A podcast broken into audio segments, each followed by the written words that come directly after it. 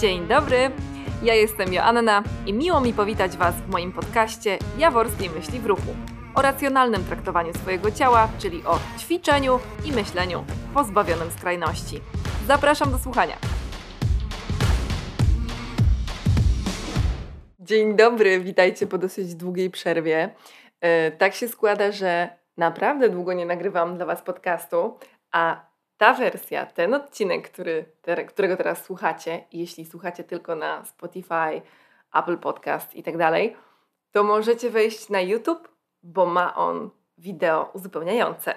E, dostałam ostatnio kilka informacji, że w sumie to przyjemnie byłoby na mnie popatrzeć. Stwierdziłam, a co, zaryzykuję. Więc założyłam koszulę mojej babci i usiadłam sobie tutaj do nagrywania tego 30 odcinka Jaworskiej Myśli w Ruchu. 30 e, odcinek e, wydaje mi się taki wyjątkowy. E, w tym roku tak się składa, obchodziłam swoje 30 urodziny i przez chwilę sobie pomyślałam, kurczę, dlaczego nie nagrałam 30 odcinka na 30 urodziny? To byłoby takie fantastyczne. Ale potem dotarło do mnie, że tak naprawdę tak miało być, jak jest teraz.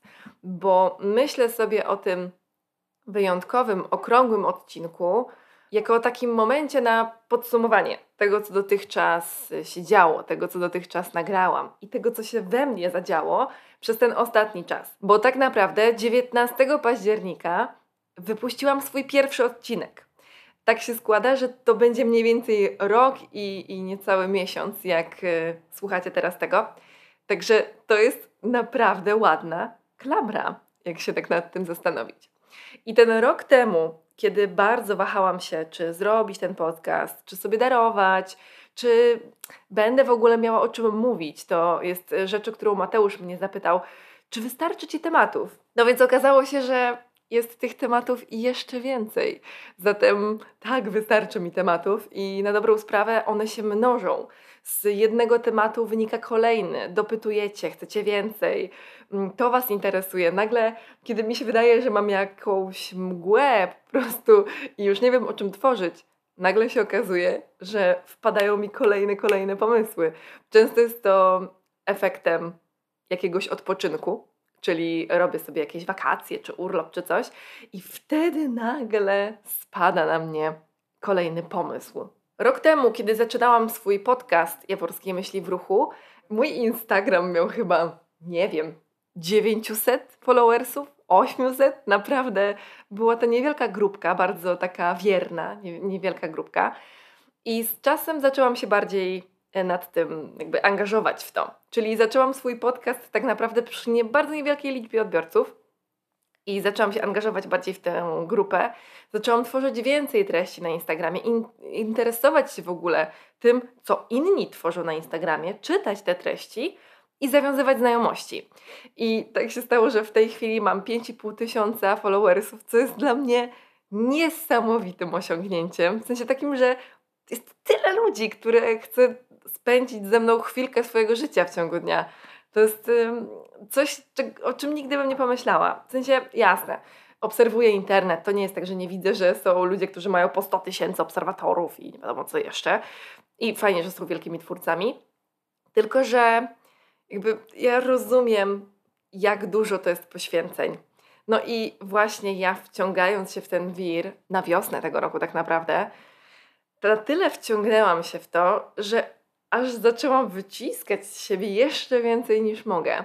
Do tego stopnia, że za w wyniku różnych znajomości, różnych rozmów powstał kurs Kobieta w Ruchu. I też nie wydarzyłby się on, gdyby nie inni ludzie, gdyby nie poniekąd Instagram, bo y, osoba Asia, która jakby bardzo się mocno zaangażowała w to. Poznałyśmy się na Instagramie. W sensie ona napisała do mnie na Instagramie o treningi personalne, spotkałyśmy się. Potem Piotr, mąż Asi i potem pomysł tworzenia kursu. To była dla mnie niesamowita przygoda. I jeśli y, wy słuchający mnie teraz y, jesteście użytkownikami tego kursu, będzie mi bardzo miło, jeśli dacie jakiś znak na ten temat, ponieważ y, tak naprawdę praca nad kursem trwała kilka dobrych miesięcy, około czterech miesięcy ale ten pomysł w mojej głowie był już dużo, dużo wcześniej. No i razem z kursem, razem z tym Instagramem, podcast usiadł. W sensie przeciągnęłam swoją energię z podcastu na Instagram, na kurs, na działanie w internecie.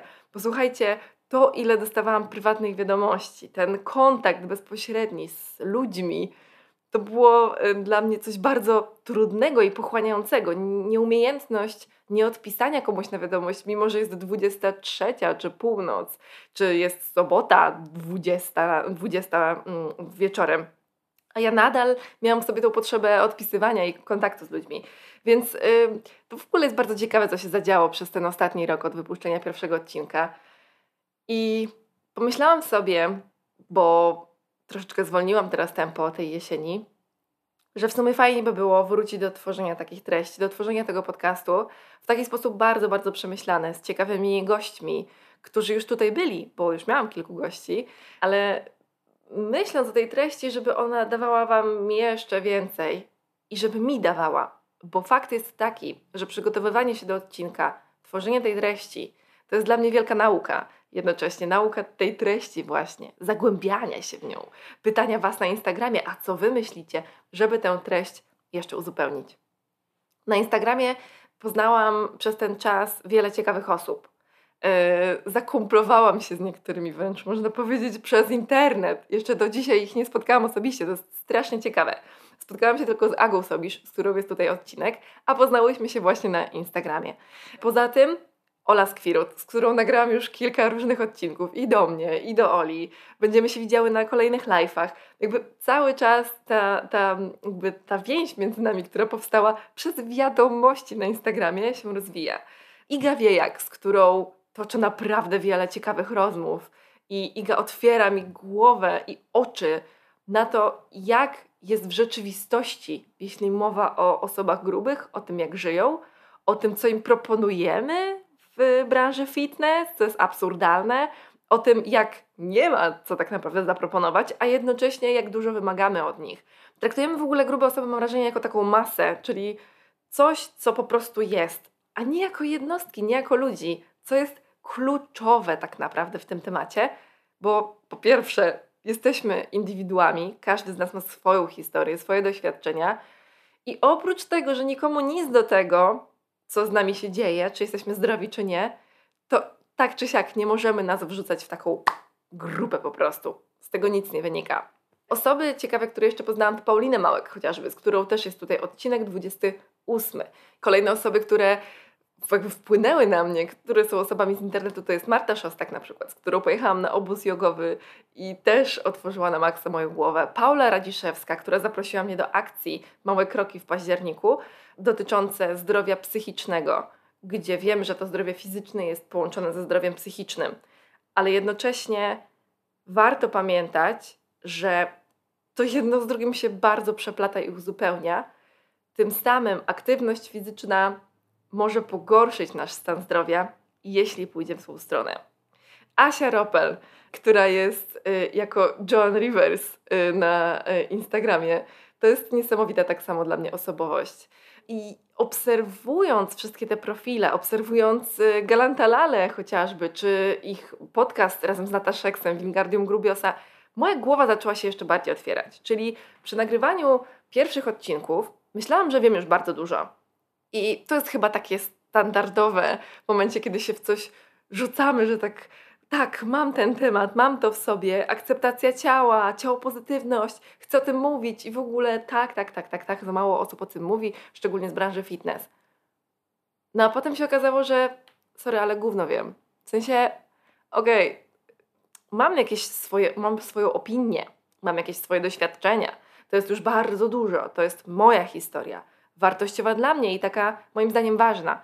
Natomiast kiedy spojrzeć szerzej na problem jako problem społeczny, e, body shamingu czy um, fatfobii chociażby, to okazuje się, że ja, ja nie mogę tego wiedzieć. Nie mogę tego wiedzieć, bo żebym się dowiedziała więcej, muszę porozmawiać z innymi ludźmi, którzy tego realnie doświadczają.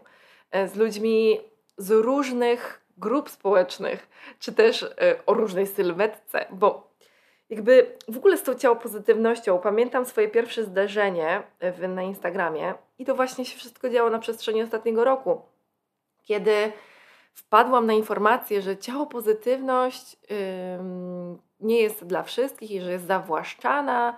I to zresztą był chyba wpis Pauliny Małek. I ja byłam taka, ale jak to? Ja nic nikomu nie zawłaszczam. Ja też potrzebuję ciało pozytywności i że mam, może nie jestem reprezentantką ciała pozytywności, bo jakby to rozumiałam, tylko że mam takie ciało pozytywne podejście. No i potem zagłębiając się w temat i wchodząc właśnie w Wingardium Grubiasa, chociażby podcast właśnie Galanta Lali i Nataszeksa, zrozumiałam, że jakby to jest problem z nazewnictwem, że nam się wydaje ciało, pozytywność, że wow, myślę pozytywnie o swoim ciele. Ale to zupełnie nie o to chodzi. Tu chodzi o grubo pozytywność. Chodzi o to, żeby te systemowe, ta, ta systemowa opresja, która dotyczy grubych osób, nierówność systemowa, żeby to na to zwrócić uwagę, żeby zaakceptować, że grube osoby istnieją między nami, że są, że nie mają się w co ubrać, że nie mogą usiąść bezpiecznie w samolocie, nie mogą się zapiąć pasami, że nie mogą usiąść w kinie.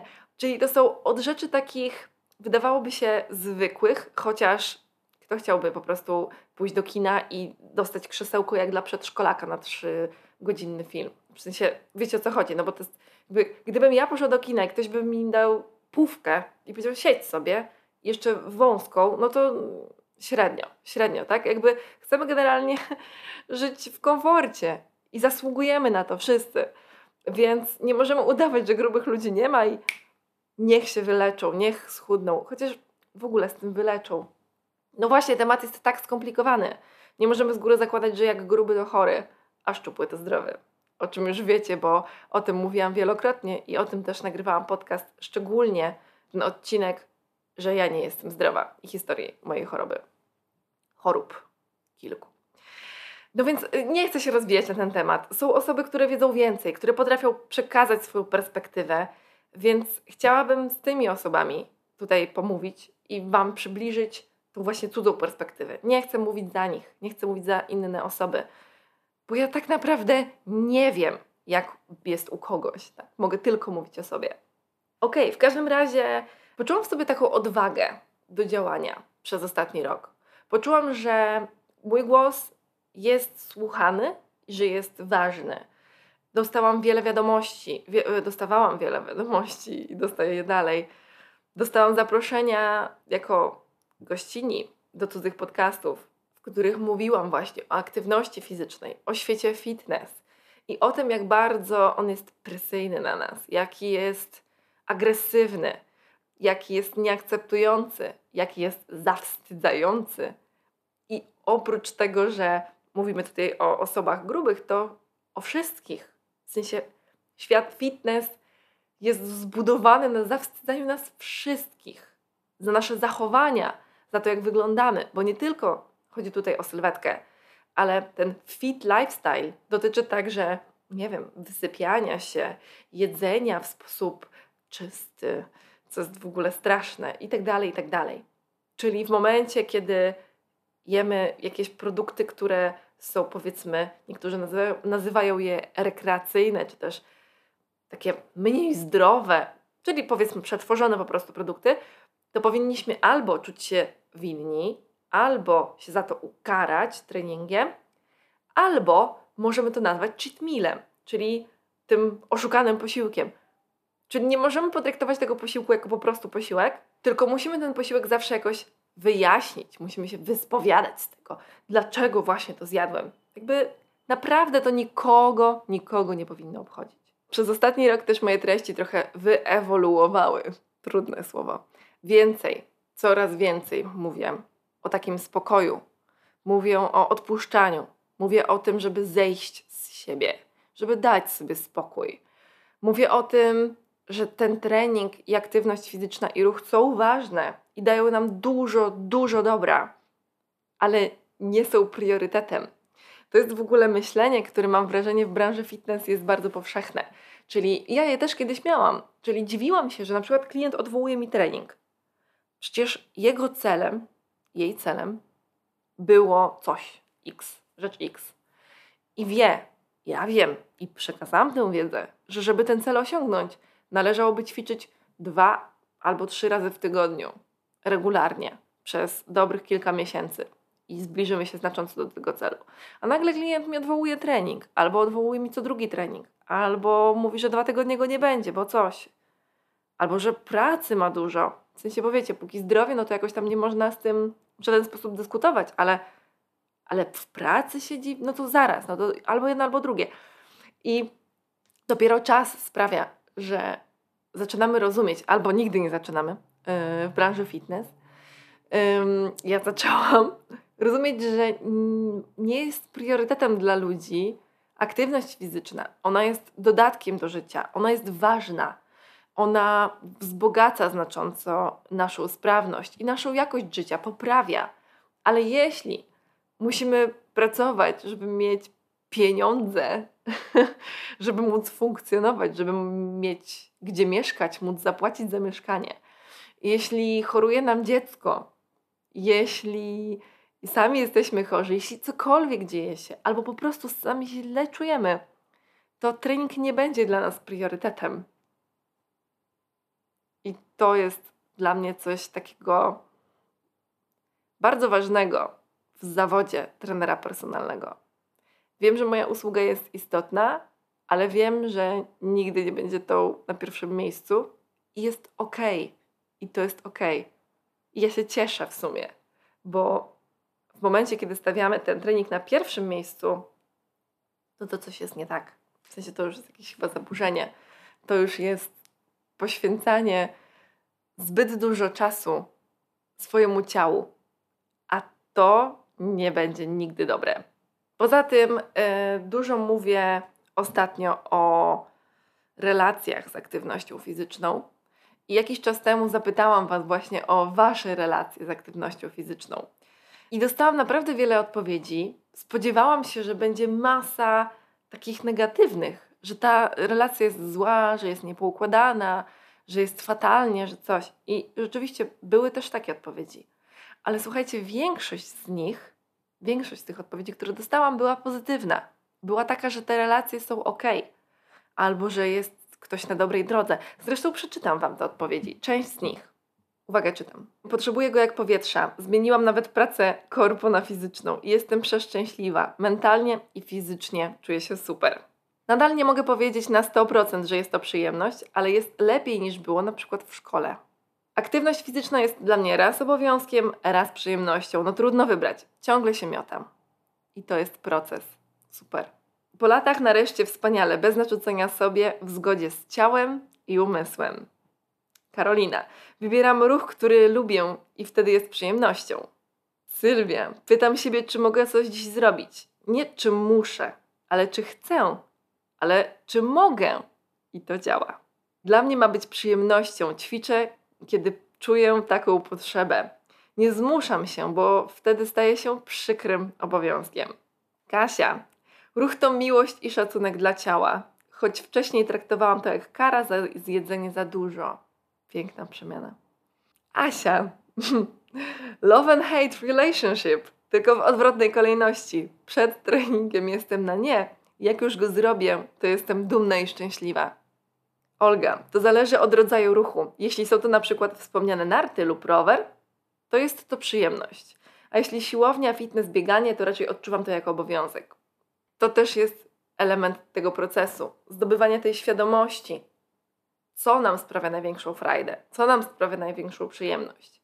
I kiedy czasem tym obowiązkiem staje się siłownia, właśnie jakaś taka rutyna wzmacniająca, to nie musi znaczyć wcale źle, bo z tego też właśnie wyniknęło moje pytanie, ponieważ tworzyłam wpis o treningu, który jest obowiązkiem lub nie jest obowiązkiem. Czytam dalej. W ostatnim czasie to jest dla mnie przyjemność, czas dla siebie, czas jak randka, coś jak randka z samą sobą. To jest super. Jak mi coś boli od przykurczy, zastania, to ciężko się ruszyć, ale jak się ruszę, to endorfin moc. Od dwóch miesięcy jest to przyjemność, między innymi dzięki Tobie nauczyłam się odpuszczać. Czuję, że ruch jest częścią mnie, nie mogłabym na dłuższą metę z niego zrezygnować. Ewa, totalnie na luzie. Jeśli wkręcam się w jakiś sport, to trenuję. Jeśli jedno mi się nudzi, szukam nowego. Czuję się coraz lepiej, czerpię z niego dużo fanu, energii i w końcu go nie porzucam. To tylko kilka z nich, bo tych wiadomości było bardzo dużo. I tak się zastanawiałam w ogóle, jacy ludzie do mnie tutaj przychodzą. Kim jesteście ci tutaj wy na moich profilach, na moich treści, w moich treściach. Bo nie da się ukryć, że nie wygrywam z treściami standardowo fitnessowymi e, i pewnie nigdy nie wygram. I to jest okej, okay. dobra. Nie, nie muszę być dla wszystkich, jak zupa pomidorowa. Ale tak się zastanawiam, że wydaje mi się, że w jakiś sposób mogłabym podzielić, chociaż to nie jest może super dobre, ale podzielić Was, odbiorców moich, na takie trzy grupy.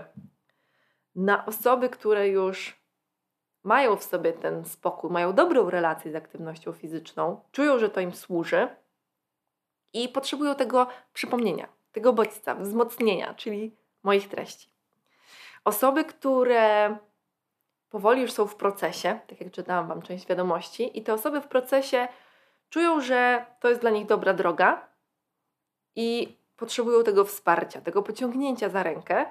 Jednocześnie prawdopodobnie, tak mi się wydaje, te osoby rezygnują z tych treści restrykcyjnych, fitnessowych i przyszły tutaj poszukać właśnie tego, tego popchnięcia w dobrą stronę. W dobrą dla nich, bo nie chcę generalizować, że moja droga jest najlepsza. I trzecia grupa to są te osoby, które mają jeszcze złą relację z aktywnością fizyczną, trudną, bolesną, bo takie wiadomości też były, już nie chcę ich czytać. O tym, że ta relacja jest zła, że jest obowiązkiem, że jest stresem, że jest reżimem cały czas dla nich, że mają wyrzuty sumienia, kiedy nie trenują. I myślę sobie, zastanawiam się, czemu te osoby dalej tu są. No więc wydaje mi się, że wy właśnie ci, te osoby, że czujecie, że to jest jakby dla Was niekorzystne, że to jest szkodzące Wam, że potrzebujecie wejść na taką drogę ugody z aktywnością fizyczną i, i że u mnie te treści znajdziecie. I cieszę się bardzo. I bardzo Wam dziękuję, że tu jesteście. I dziękuję Wam wszystkim, wszystkim tym trzem grupom, że dołączacie do mnie zasilacie moje szeregi.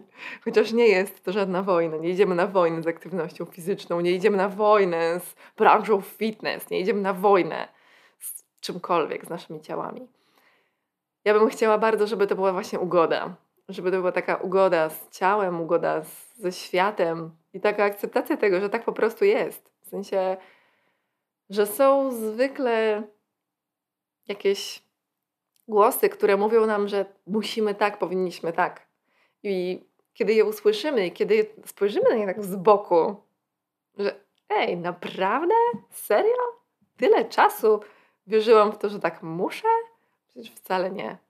Bo nie musicie. Wcale nie. Teraz jesienią też, e, kiedy właśnie mija rok od nagrania pierwszego podcastu, no może nie nagrania, ale opublikowania, rozpoczęły się także moje studia. I to jest w ogóle mega ciekawy proces, bo w trakcie tego ostatniego roku, w maju, wpadłam na kierunek, wpadłam na niego już trochę wcześniej, ale nie było miejsc, ale w maju wpadłam ponownie na kierunek uważność i współczucie na SWPS-ie, na uczelni Szkoła, Szkoła Wyższa Psychologii Społecznej. Na kierunek właśnie uważność i współczucie i pomyślałam sobie, że to jest coś dla mnie. Że to jest coś, co bardzo uzupełni moją wiedzę, uzupełni moje treści, moją pracę, i że to może tak bardzo wzbogacić to wszystko, co robię, że Wam będzie dużo lepiej, że Wam będzie dużo przyjemniej. I jestem po dwóch zjazdach, słuchajcie. Zjazd trwa 18 godzin, czyli 9 godzin w jeden, jeden dzień w sobotę, 9 godzin w niedzielę. I to jest tak intensywne. I to jest tak wzbogacające. I jestem tak przeszczęśliwa, że to zrobiłam, że ja nie wiem, ja nie wiem, w którą stronę, słuchajcie, pójdzie yy, mój kanał, w którą stronę pójdzie mój podcast, w którą stronę pójdzie mój Instagram. Nie wiem. I dobra, spoko, zobaczymy. Ale czuję, że właśnie ta uważność, dostrzeżenie emocji i dostrzeżenie tych trudnych emocji, tego cierpienia i tego bólu, z którym naprawdę często do mnie przychodzicie. Przychodzicie do mnie w wiadomościach, przychodzicie do mnie w, na treningi indywidualne, to dostrzeżenie właśnie tego, tego cierpienia, spojrzenie na nie z boku otwiera nas na zmianę. Otwiera nas na to, żeby w ogóle cokolwiek z tym zrobić. I ja to gdzieś intuicyjnie w pewien sposób robiłam na konsultacjach, na pierwszych spotkaniach. Zawsze troszkę dopytuję, no ale co się dzieje, o co chodzi. Tylko, że nigdy nie robiłam w takiego, w tego w taki fachowy sposób. nigdy nie zauważałam, czy też nie uczyłam zauważać tego, co się dzieje tak naprawdę w środku, tylko gdzieś płynnie, mimo wszystko nawykowo przechodziłam do celów i do działania. Bo to jest no, klasyk, tak? Tak działa ta branża. Skupiamy się na celu, a nie na drodze. Mimo, że często tak mówimy, bo ja już nieraz słyszałam te, te, te frazesy, że to droga jest ważna, nie cel. Ale o co chodzi w ogóle w tym? W sensie, czy ktoś się kiedykolwiek zastanowił, co mówi? Co to znaczy droga? Co to znaczy, że nie cel? Czyli jaka droga? Czyli czym jest ta droga? No i właśnie w aktywności fizycznej to jest bardzo istotny temat, bo zajebiście często wyznaczamy sobie przede wszystkim te cele, te cyfry, te określone, nie wiem, jakby zadania do wykonania, które muszą się skończyć w dany sposób, czyli na przykład ciężar musi osiągnąć daną liczbę. I zapominamy o tym, co się dzieje po drodze. I ja jakoś intuicyjnie spycham Was w stronę tego dostrzeżenia procesu, tego, że mogą być dni, kiedy odpuszczamy trening i o tym piszę, że czasem wracamy i to jest trudne i, i, i bolesne i to ma prawo takie być. Tylko, że pytanie, co my z tym zrobimy? No i właśnie ta uważność bardzo nas pcha w tą stronę i to jest super. Poza tym drugą częścią mojego, moich studiów jest współczucie i samowspółczucie. I to jest niesamowite, jaką odporność psychiczną i jaką, jaką, jakie umiejętności możemy zdobyć dzięki odczuciu samowspółczucia. To jest w ogóle jakoś tak kulturowo do nas niedopuszczane. Czyli jakby ja sobie mam sama współczuć, ja mam się na sobie skupiać, że tak nie wypada, że generalnie no jakby to relacje z innymi ludźmi są najważniejsze, że to mogę innym współczuć, ale sobie nie i samo się biczujemy cały czas. I raczej zatapiamy się w tych emocjach, zatapiamy się w tym, o Boże, jak ja mam teraz źle, jak dramatycznie, ja to nigdy nic nie zrobię i tak dalej. I tak naprawdę w momencie, kiedy spróbujemy wystosować do siebie tą troskę i taką akceptację tego stanu rzeczy, dopiero wtedy jesteśmy w stanie tak ulżyć sobie i pójść dalej, jakby zrobić coś z tym, albo nic z tym nie robić, tylko działać po prostu. Żyć skutecznie, funkcjonować. To są zajebiście dla mnie ciekawe tematy. Nie chcę ich rozwijać nadmiernie, bo jestem w procesie nauki i może się okazać, że jeszcze lepiej to zrozumiem za jakiś czas. A studia trwają półtora roku, a jestem dopiero po dwóch zjazdach, czyli można by powiedzieć po dwóch tygodniach. Więc ym, jestem po prostu szalenie zafascynowana tym. I bardzo we mnie gra y, jedno ćwiczenie, które zrobiliśmy na pierwszym zjeździe, które polegało na, na oczekiwaniach, które odpuszczamy sobie jak zrobiliśmy to ćwiczenie, ono polegało na medytacji i z prowadzeniem właśnie z taką, takim wejściem w to odpuszczenie oczekiwań. Kiedy poczułam, że odpuszczam te oczekiwania, naprawdę wtedy zrobiło mi się tak lekko, tak dobrze. I tak sobie w ogóle myślę, i to będzie podsumowanie tego odcinka, że dorosłość, że nasza dorosłość, na pewno moja dorosłość, wiąże się mocno z takim natłokiem oczekiwań. Czyli czym bardziej dorastamy, dojrzewamy, tym więcej oczekujemy od siebie, od świata. Oczekujemy efektów, mamy plany, wiemy, co chcemy. A dzieciństwo z kolei wiąże się z taką ciekawością. Tak się mówi, że ta dziecięca ciekawość. Dziecko nie, nie oczekuje, że coś konkretnego się wydarzy. Ono biegnie sprawdzić, co tam jest. Ono biegnie sprawdzić, co się dzieje. I ja, ja w sobie czuję teraz, dzisiaj od jakiegoś dłuższego czasu, taką ciekawość. I to jest dla mnie bardzo nowe. I to jest dla mnie naprawdę dobre. Mam nadzieję, że to się utrzyma naprawdę długo. Będę nad tym pracować. Ja jestem ciekawa. Jestem ciekawa, w którą stronę pójdzie dalej ten podcast. Jestem ciekawa, co się stanie. Jestem ciekawa, czy będzie Was tu więcej, czy będzie Was mniej. To jest wszystko dla mnie po prostu cholernie ciekawe. I chciałabym zakończyć ten odcinek takim życzeniem do Was.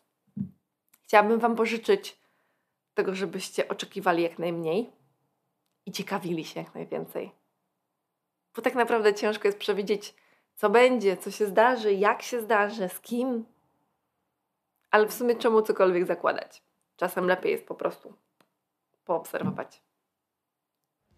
Dziękuję Wam bardzo za wysłuchanie tego odcinka. Jeśli macie jakieś swoje refleksje na jego temat, to zapraszam Was do napisania mi maila podcast małpamyślwruchu.pl Jeśli słuchacie mnie w tej chwili, oglądacie na YouTubie, to dajcie łapkę w górę, zasubskrybujcie mój kanał, zaznaczcie dzwoneczek, wtedy dostaniecie przypomnienie o kolejnym odcinku, który nie wiem kiedy będzie. I przy tym wszystkim chciałabym... A już nie będę przedłużać. Znajdziecie mnie jeszcze na Instagramie na Myśl w Ruchu i na Facebooku Myśl w Ruchu. Dziękuję Wam bardzo. Pa!